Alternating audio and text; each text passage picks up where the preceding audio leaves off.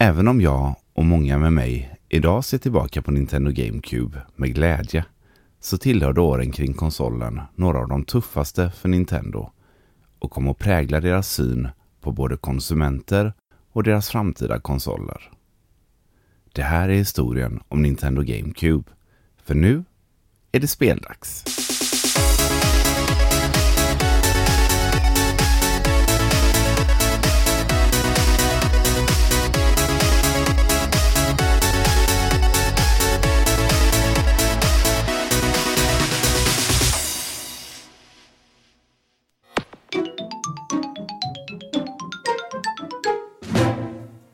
Efter att försiktigt tagit sig in i 3D-eran med Nintendo 64 så var Nintendo redo för nästa stora steg. Men den sjätte generationens tv-spel skulle bjuda på många överraskningar och stenhård konkurrens i vad som kom att bli ett av historiens största generationsskifte för tv-spelsmarknaden. Nintendo, som hade dominerat tv-spelsmarknaden med både NES och Super Nintendo, fick under 90-talets mitt rejäl konkurrens. Sega hade redan etablerat sig som en jätte i industrin med sin konsol Mega Drive. Men det var en ny aktör på marknaden som skulle ta över tronen. Nämligen Sony. Som under 94 och 95 tog steget in i tv-spelsvärlden med sitt Playstation. Playstation blev en sensation och sålde över 100 miljoner konsoler globalt. En prestation som inte ens Nintendo själva hade lyckats med vid det här laget.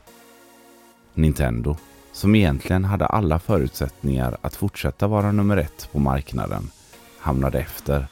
Mycket tack vare flera dåliga beslut med sin konsol Nintendo 64. För trots att Nintendo 64 både var billigare och hade bättre hårdvara så begränsades den av ett dåligt format på grund av rädslan för piratkopior så valde Nintendo att fortsätta med spel på kassett istället för det nya, billigare och smidigare alternativet CD-ROM. Detta skapade frustration hos tredjepartsutvecklare som utöver det högre priset även begränsades rejält när det kom till lagringsutrymmet. En kassett rymmer nämligen upp till 64 megabyte jämfört med en CD-ROM som klarar upp till 700 megabyte. Det här gjorde att fler och fler utvecklare valde att lämna Nintendo för att istället arbeta med Sony och deras Playstation.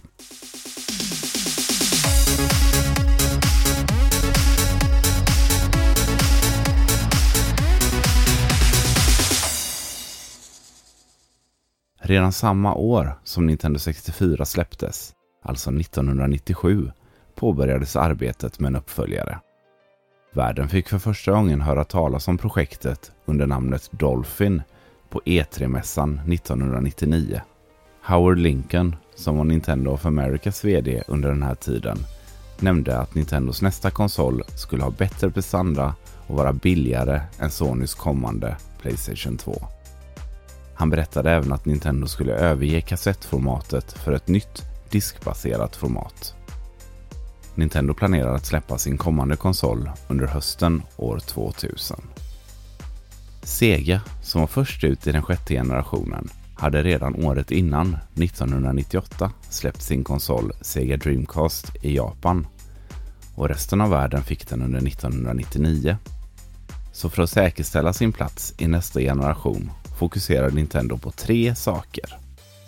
För det första så ville de släppa den mest kraftfulla konsolen på marknaden. För det andra så ville de hinna före Sony och deras release av Playstation 2. Och för det tredje så ville de göra det enkelt för tredjepartsutvecklare att släppa spel till maskinen. Man hoppades med detta att kunna locka tillbaka de utvecklare och givetvis konsumenter som valt att lämna Nintendo för framförallt Playstation.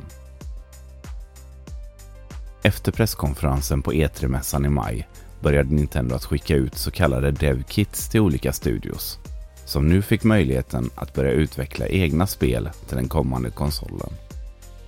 Dessvärre så var Nintendo något sena med att skicka ut kitten och många av dessa studios hade redan fullt upp med att göra spel till andra konsoler.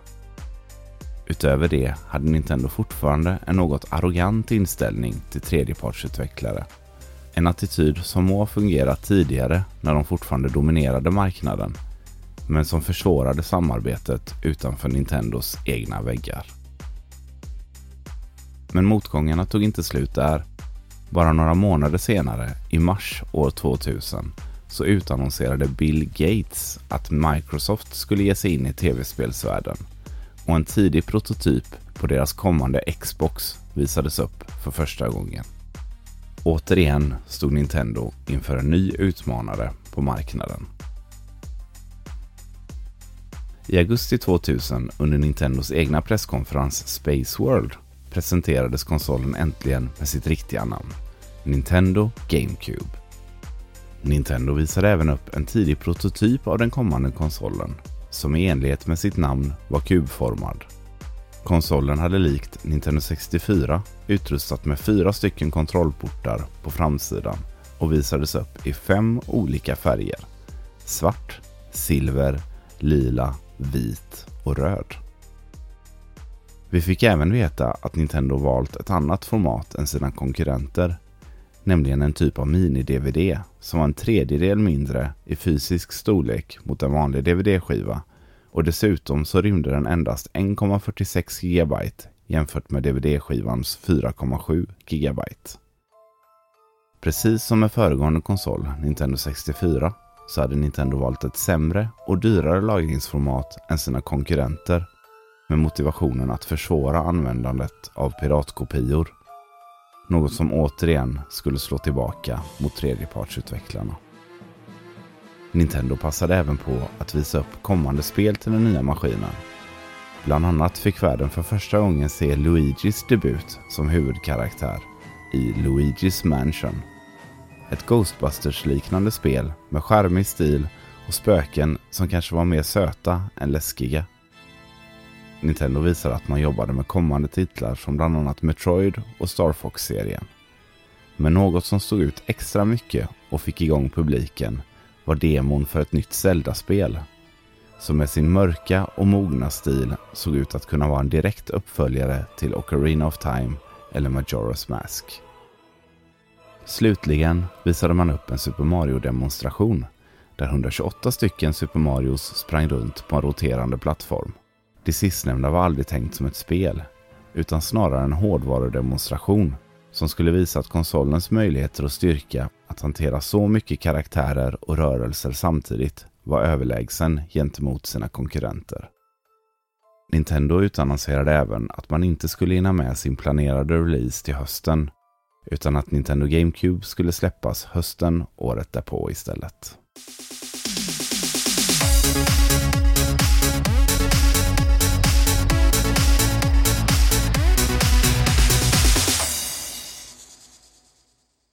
Tiden som Nintendo utvecklade GameCube så bollades många olika idéer. Den legendariska spelproducenten Shigeru Miyamoto uppmanade sitt team att tänka utanför boxen och komma med nya idéer. Tidiga förslag var bland annat gyrostyrda handkontroller som skulle reagera på rörelser. I senare intervjuer så berättar bland annat spelstudion Factor 5 att ett av deras tidiga dev-kits från Nintendo var med just rörelsekontroller. Just gyrostyrda kontroller blev aldrig en del av Nintendo GameCube, men kom att bli huvudgimmicken för Nintendos nästa konsol, Nintendo Wii. Andra tidiga idéer var bland annat att inkludera 3D-bild utan specialglasögon, så kallad autostereoskopi. Inte heller detta blev verklighet med GameCuben. Däremot så skulle Nintendo 3DS, som släpptes 2010, ha just denna funktion. Under 2020 så läcktes även dokument från Nintendos högkvarter som visade tidiga sketcher på en GameCube med inbyggd skärm och möjlighet att docka konsolen till TVn, precis som på Nintendo Switch. Under utvecklingen jobbade man även med många olika prototyper på handkontrollen. Nintendo, som med sin NES hade revolutionerat spelvärlden med styrkorset och igen med sin analoga spak på Nintendo 64s handkontroll visste vikten av en bra handkontroll. Shigeru Miyamoto berättar senare i intervjuer att han och hans team la nästan tre år på utvecklingen och att hitta rätt placering och storlek på de olika knapparna. En annan, för tiden unik funktion var de analoga knapparna på ovansidan kontrollen. De så kallade shoulder buttons, L och R. Som istället för att vara en vanlig knapp som antingen var aktiv eller inte, så fanns det här en skala i hur mycket man kunde trycka ner knappen. Man kan jämföra det med att trycka på en gaspedal. Ju mer du trycker, desto mer gasar du. På samma vis fungerade dessa knappar och kom att bli en välutnyttjad funktion i exempelvis bilspel, men även spel som Super Mario Sunshine. Resultatet blev en ganska oortodox kontroll som vid första anblick ser nästan lika udda ut som den tidigare Nintendo 64-kontrollen. Men allt är framtaget med precision och kontrollen kom att bli så pass älskad att både Wii, Wii U och Nintendo Switch alla har möjlighet att använda GameCubes kontroll. 2001 bjöd på många överraskningar. Redan i mars meddelade Sega att deras Dreamcast sålt under förväntningarna och på grund av den rådande konkurrensen samt att deras tidigare konsol Sega Saturn underpresterat valde företaget, som under 90-talets start på allvar konkurrerade med Nintendo, att dra sig ur hårdvarubranschen. Sega valde istället på att fokusera att göra spel, nu som en tredjepartsutvecklare. Playstation 2, som släpptes året innan, blev nu den enda nya aktiva konsol på marknaden och fick tack vare detta nästan ett helt års försprång mot både den nya Xbox och Nintendos GameCube. Sommarens E3-mässa var ett fullspäckat event. Playstation 2 var fortfarande en nyhet och Sony visade bland annat upp nya titlar som Jack and Daxter, Devil May Cry, men även efterlängtade uppföljare som Silent Hill 2, Final Fantasy 10 och Metal Gear Solid 2.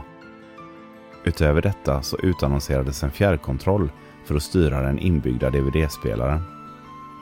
Det kan vara svårt att ta till sig nu, men att Playstation 2 hade en inbyggd DVD-spelare bidrog till en stor del av deras försäljning. Jag jobbade själv som extraanställd på Expert sommaren 2001 och DVD-spelare kostade runt 4-5 tusen kronor. Så det var inte alls ovanligt att kunder valde att köpa ett Playstation 2 istället. Då den var både billigare och dessutom kunde spela tv-spel. Microsoft, som var helt nya på marknaden, ville såklart bevisa att de hade där att göra och visade upp den färdiga modellen av deras kommande konsol Xbox. Dead or Alive 3, ett nytt Oddworld-spel tillsammans med Project Gotham Racing syntes även de på de stora skärmarna. Men det var det nya exklusiva spelet Halo Combat Evolved som framförallt drog ögonen till sig. Sega, som tidigare utannonserat att de nu enbart är en tredjepartsutvecklare, syntes till lite överallt under mässan. De andra tre aktörerna hade alla sett till att låsa minst ett spel till sin konsol. Xbox skulle bland annat få Jet Set Radio Future och Nintendo hade fått exklusivitet till det kommande Super Monkey Ball. En annan stor nyhet var att Segas maskot och tidigare huvudrival Sonic skulle komma till Nintendo GameCube med Sonic Adventure 2. Sist men inte minst Nintendo själva, som utöver den kommande GameCuben hade den senaste handhållna Game Boy Advance i fokus. Game Boy Advance, som släpptes tidigare samma år i Japan och som bara några veckor efter E3-mässan skulle få sin release i väst, var den första ordentliga uppföljaren till 1989s Game Boy. Maskinen hade ett 32-bit-system och med releasetitlar som F-Zero, Castlevania Circle of the Moon, Earthworm Jim och en uppdaterad version av Super Mario Bros 2 så kändes konsolen nästan som ett bärbart Super Nintendo. Men Nintendo stal framförallt showen när Shigeru Miyamoto dök upp på scen med en GameCube i ena handen och en kontroll i andra och visade inför publikens jubel för första gången det kommande Super Smash Bros Melee. Spelet kom att definiera spelserien framöver. Det var även första gången som många fick lära känna spelserien Fire Emblem, som vid det här laget enbart hade släppts i Japan. Men med Marth och Roy som upplåsningsbara karaktärer blev det ett första steg ut på marknaden i väst. Även spelet Pikmin gjorde sin debut, där Shigeru Miyamoto stolt visade upp sitt senaste tillskott och spelade en cirka 10 minuter lång demo av spelet. Pikmin stod ut bland Nintendos övriga titlar då spelmekaniken RTS, eller Real Time Strategy, var vanligare att se på datorer med spel som till exempel Command Conquer och Starcraft än på just tv-spel. Utöver detta så visades även ny gameplay från Luigi's Mansion upp tillsammans med kommande spel såsom Star Fox Adventure, Metroid Prime och Eternal Darkness. Den mörka Zelda-demon från förra årets Space World visades återigen upp och förväntningarna på ett nytt Zelda-spel var skyhöga. Hej, det här är Martin Lindell, eh, spelhistoriker och branschveteran. Jag minns väl eh, GameCube när den kallades Project Dolphin och eh, presenterades först på Space World av Nintendo i september 2000. Man var ju rätt eh, fascinerad av designen och samtidigt dessutom presenterades Game Boy Advance. Det var en explosion av nyheter. Första gången jag fick um, spela GameCube var ju på E3 2001 i maj. Jag åkte dit uh, i Los Angeles, svettades med 60 000 andra besökare och det var ju långa köer till Nintendos monter. Där visade man bland annat Luigi's Mansion som var lite oväntat. De hade ju video på Metroid Prime och eh, man fick även se Pikmin, eh, vilket var en, en, väldigt trevlig grej, de här små eh, blommorna som sprang runt. Jag, jag minns att när jag rapporterade om det i branschtidningen Manal, som jag var redaktör för, så skrev jag eh, Pikmik istället för Pikmin. Så kan det gå. Um, alltid svårt att välja spel, men det fanns ju så mycket bra. Ikaruga, fantastisk shoot em up och Super Monkey Ball spelade, spenderade extremt mycket tid på i början. Och det var också fascinerande just att ha ett Sega-spel på en Nintendo-konsol. Det här var liksom första det här var brytpunkten så att säga när Sega slutade med Dreamcast och gick över till de andra. Sen måste man ju nämna Pikmin som jag sa eh, och även Metroid Prime var ju, var ju faktiskt lysande.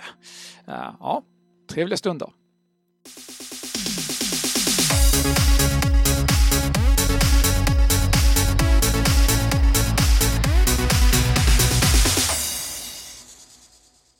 Tre månader innan release hade Nintendo återigen sin presskonferens Space World i Japan.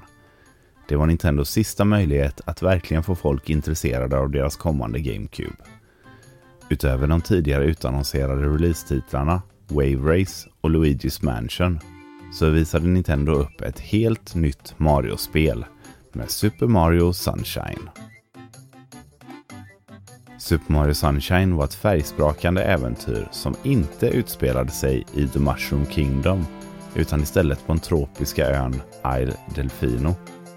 Mario hade även fått ett nytt tillbehör i form av en vattenkanon på ryggen. Trailern gick inte in i mer detalj än så, men man utlovade release under 2002. Efter det fick vi se nästa spel i Zelda-serien men till motsats från den mörka, mer mogna teaser som Nintendo bjudit på tidigare så visades nu istället en ung Link i ett färgglatt äventyr i det kommande The Legend of Zelda The Wind Waker. Den cellshadade tekniken gav spelet en nästintill tecknad känsla och även om många var överens om att spelet såg underbart ut så var det lika många som var upprörda över spelets nästintill barnsliga karaktär. Framförallt i jämförelse med den trailer Nintendo själva visat upp tidigare.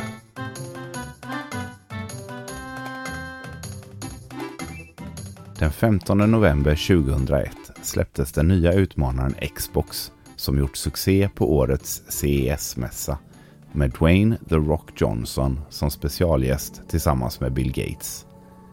Xbox som valt att profilera sig främst till äldre konsumenter gjorde dundersuccé och sålde över en miljon enheter på bara tre veckor. En makalös prestation, framförallt för en nykomling på marknaden.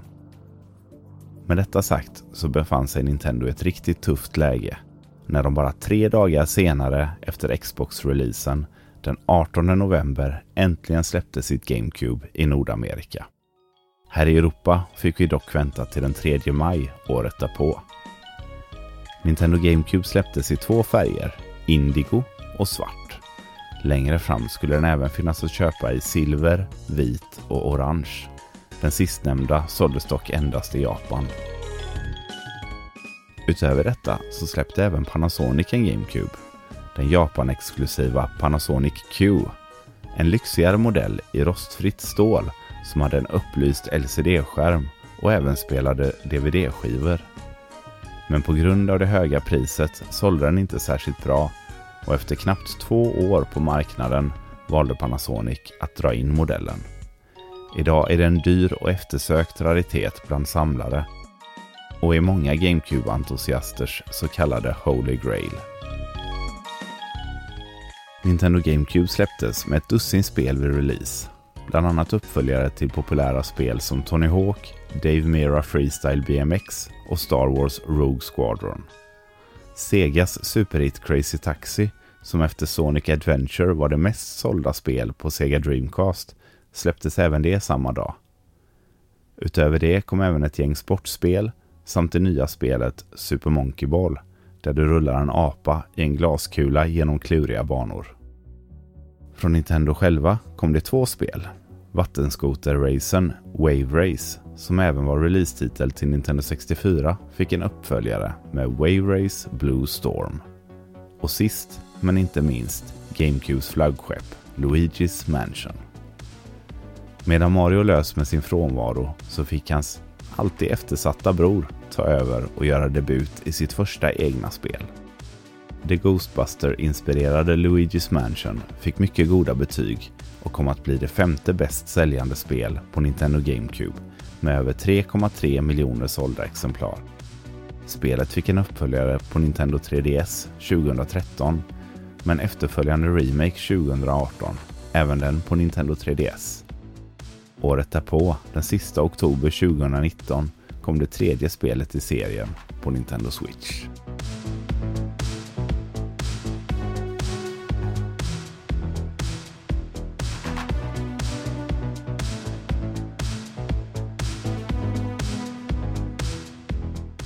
Även om Nintendo hade en tuff start med hård konkurrens från både Microsoft och Sony så hade de en fördel mot de två techjättarna, nämligen priset.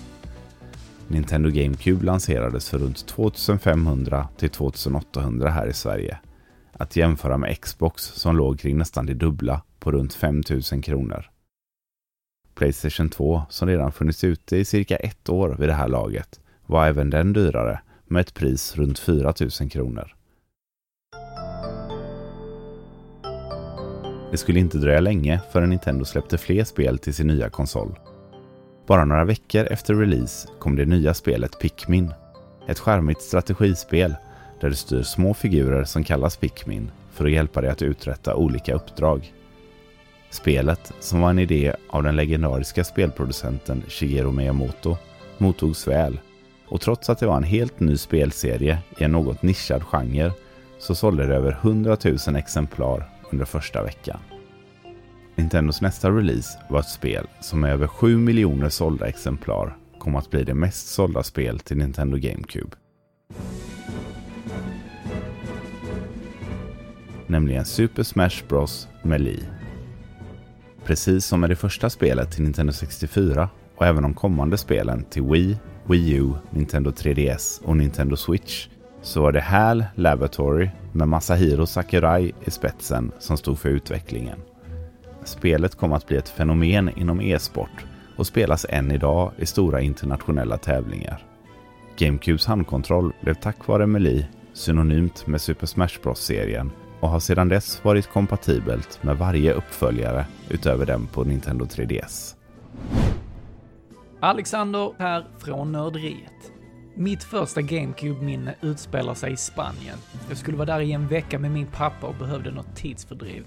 Jag hade nyligen spenderat 999 kronor på min GameCube som absolut inte var den hetaste konsolen vid den tiden.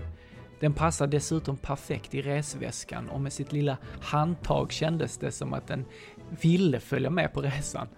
Det var höst i Spanien, inget badväder eller poolhäng för min del. Jag satt där med min GameCube för mig själv och nötade Super Smash Bros Melee. Jag ville hitta en karaktär som jag kunde klara 100 Man Melee med. Den karaktären hette Ike från Fire Emblem. Varje gång jag numera väljer Ike i de moderna Smash-spelen kan jag inte låta bli att tänka på kvällarna i Spanien. Jag, Ike och min GameCube.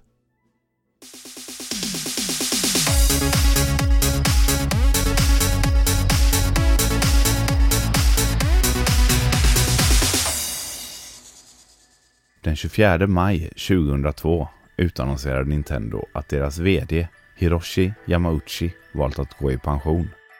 Hiroshi Yamauchi hade vid 21 års ålder tagit över företaget från sin morfar 1949 och var Nintendos VD i 53 år. Yamauchi var den som fick Nintendo att gå från att vara ett relativt framgångsrikt spelkortstillverkande företag till det enorma internationella företag det kom att bli. Hiroshi Yamauchi valde Satoru Iwata som sin efterföljare. Den första VD för Nintendo som varken var släkt eller ingift. Iwata hade tidigare varit VD för HAL Laboratory och blev snabbt omtyckt för sitt tydliga och ödmjuka sätt och för sin arbetsamhet.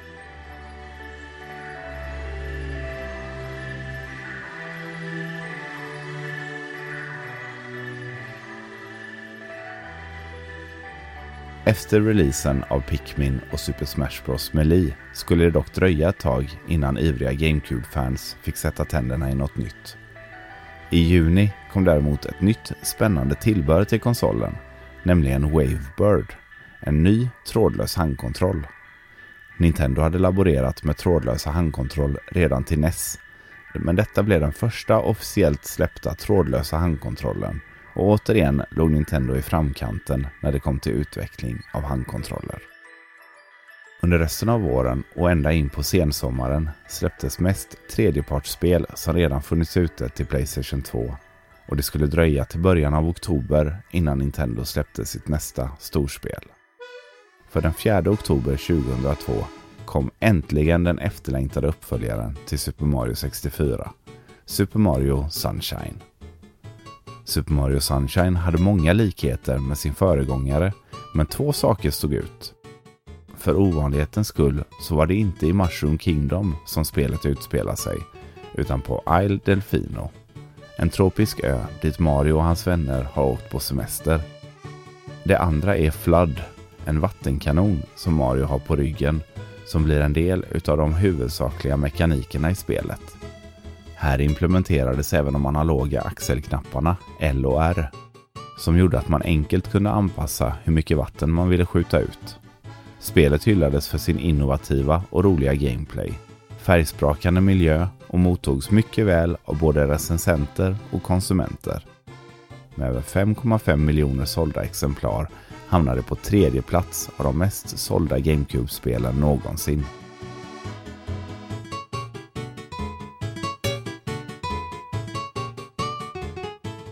Under november släppte Nintendo Eternal Darkness och Star Fox Adventures.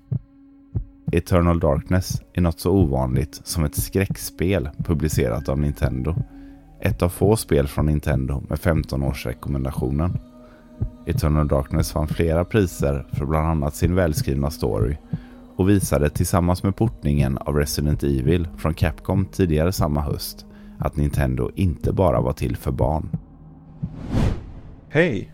Peter här från Spel och sånt. Mitt varmaste minne våra spelsittningar i butiken under öppettiderna. Främst med Resident Evil-spel. Jag och Larsson brukade spela dem tillsammans, mellan kunderna. Det fanns eh, sånt utrymme på den tiden. Att spela lite i butiken när man inte expedierade någon. Så där klarade vi av de flesta Resident Evil-spelen tillsammans. Eh, och det var väl det jag behövde för jag, jag är lite eh, lättskrämd skulle jag väl eh, lugnt vilja påstå. Så att eh, spela Resident Evil med en vän i en butik mitt på dagen, belyst.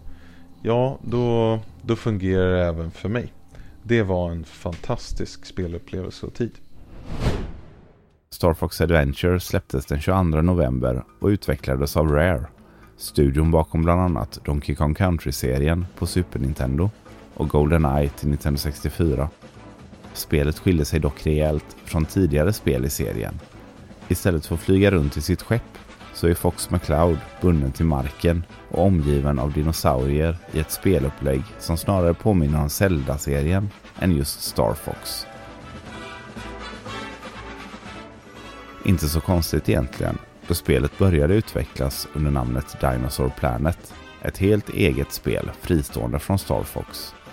Rare hade påbörjat utvecklingen 1997 och från början planerades en release på Nintendo 64.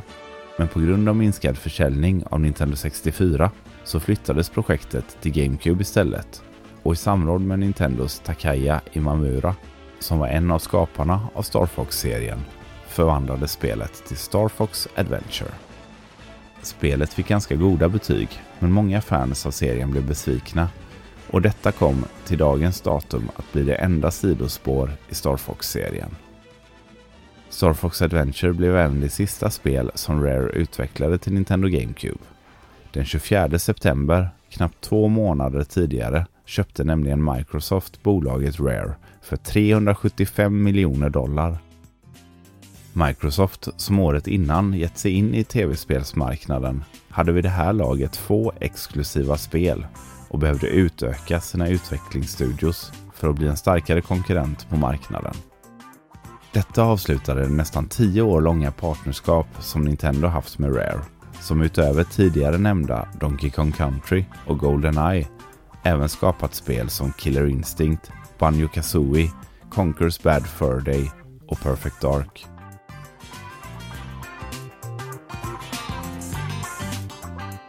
Vintern 2002 bjöd även på en del riktigt bra tredjepartstitlar. Både Crash Bandicoot och Spyro gjorde debut på Nintendo med Crash The Wrath of Cortex och Spyros Enter the Dragon. Från EA kom det charmiga plattformsspelet Ty the Tasmanian Tiger och Tony Hawk Pro Skater 4 samt Time Splitters 2 släpptes även de under samma period. Bägge nämns ofta som de bästa i sina respektive serier. Nintendo själva hade ett spel kvar att släppa innan året var slut. Den 29 november kom Mario Party 4. Den populära serien som startat på Nintendo 64 bara tre år tidigare. Mario Party är som titeln avslöjar ett partyspel där man tillsammans med upp till tre andra vänner spelar ett digitalt brädspel. Med roliga minispel och välkända karaktärer från Marios universum blev spelet en hit och fortsatte få nästintill årliga uppföljare fram till Mario Party 8 på Nintendo Wii. Efter det har Nintendo fortsatt att släppa spel i Mario Party-serien, men inte lika frekvent. Nintendos första år in i den sjätte generationen hade trots förseningar och tuff konkurrens ändå fått en ganska bra start. Med uppföljare till älskade serier som Super Mario, Star Fox och Mario Party till nya satsningar som bland annat Luigi's Mansion, Pikmin och Eternal Darkness hade Nintendo sett till att det fanns något för alla att spela. Men två av de största spelserierna från den japanska drömfabriken lös fortfarande med sin frånvaro. Efter åtta år var det äntligen dags för Samus att åter ta plats på våra tv-skärmar. Den 21 mars 2003 släpptes Metroid Prime. Det första Metroid-spelet sedan Super Metroid på Super Nintendo och således seriens första spel i 3D. Spelet är utvecklat av Nintendos nya partnerstudio, den amerikanska Retro Studios, som faktiskt gör debut i och med denna release. Nintendo hade medvetet valt att inte släppa något Metroid-spel på Nintendo 64 eftersom man hade svårt att bestämma vilken riktning spelserien skulle ta. Men efter att ha sett Retro Studios nya utvecklingsmotor för FPS, eller First Person Shooters, så föreslog den legendariska spelproducenten Shigeru Miyamoto att det kanske hade passat Metroid. Nintendo var dock noga med att spelet inte skulle bli ett typiskt FPS utan att det snarare skulle bryta från de normer som genren blivit förknippad med. Retro Studios jobbade intensivt med spelet och skrev en extensiv story med cutscenes och mellansekvenser som var ett nytt inslag i serien. Även om det fanns en viss skeptism till steget in i 3D och som FPS så blev Metroid Prime ändå en snabb favorit och en älskad serie med många uppföljare.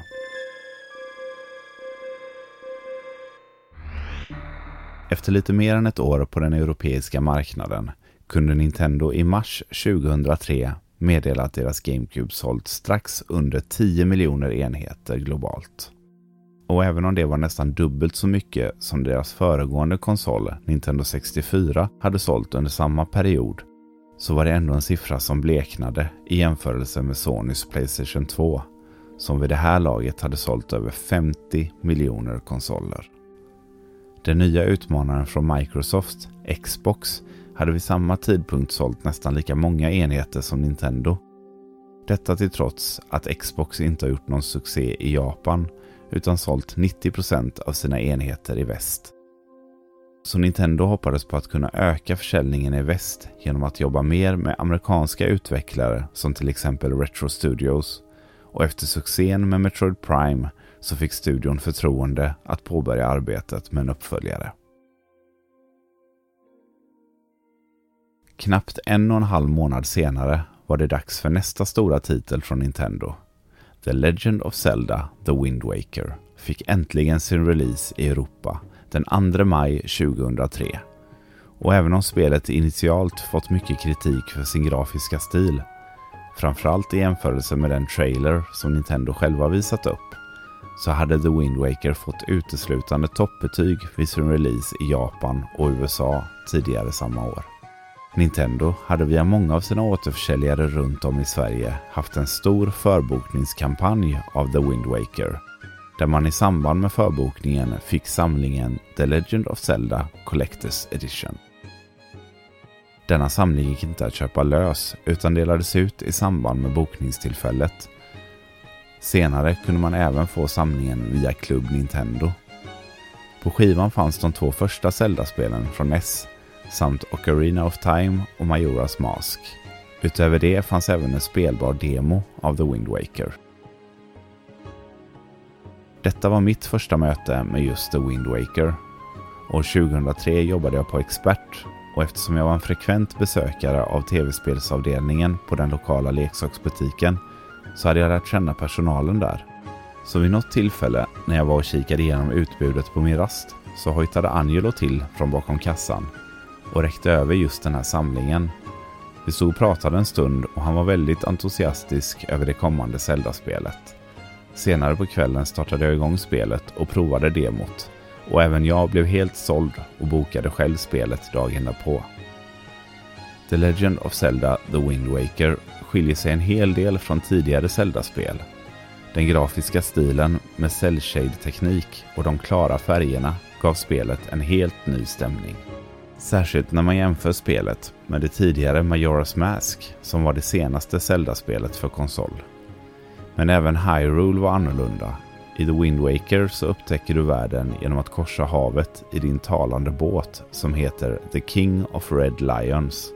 Även om många som till en början ogillade den grafiska stilen hade ändrat sig och trots det att spelet mottogs mycket bra av recensenter världen över så sålde The Wind Waker endast 4,6 miljoner exemplar, vilket ledde Nintendo att ta en ny riktning i nästa Zelda-spel.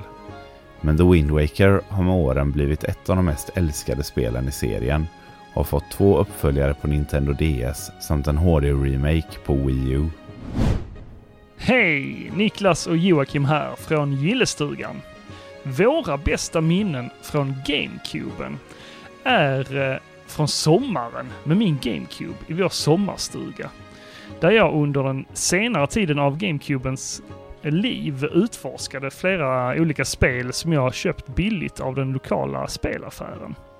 Ett starkt spelminne var äventyret jag upplevde i The Legend of Zelda, Wind Waker, som även visade sig vara ett perfekt sommarspel.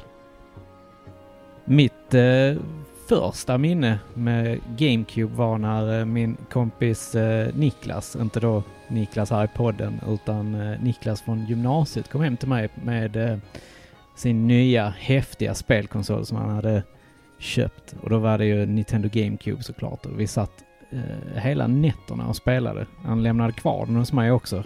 För att han kunde inte ha den där hemma hos sina föräldrar. Så att vi satt och spelade Eternal Darkness faktiskt och bara satt och mös av de här psykologiska thriller-elementen eh, och sen lite äventyr och halvskräck helt enkelt. Då mådde man bra.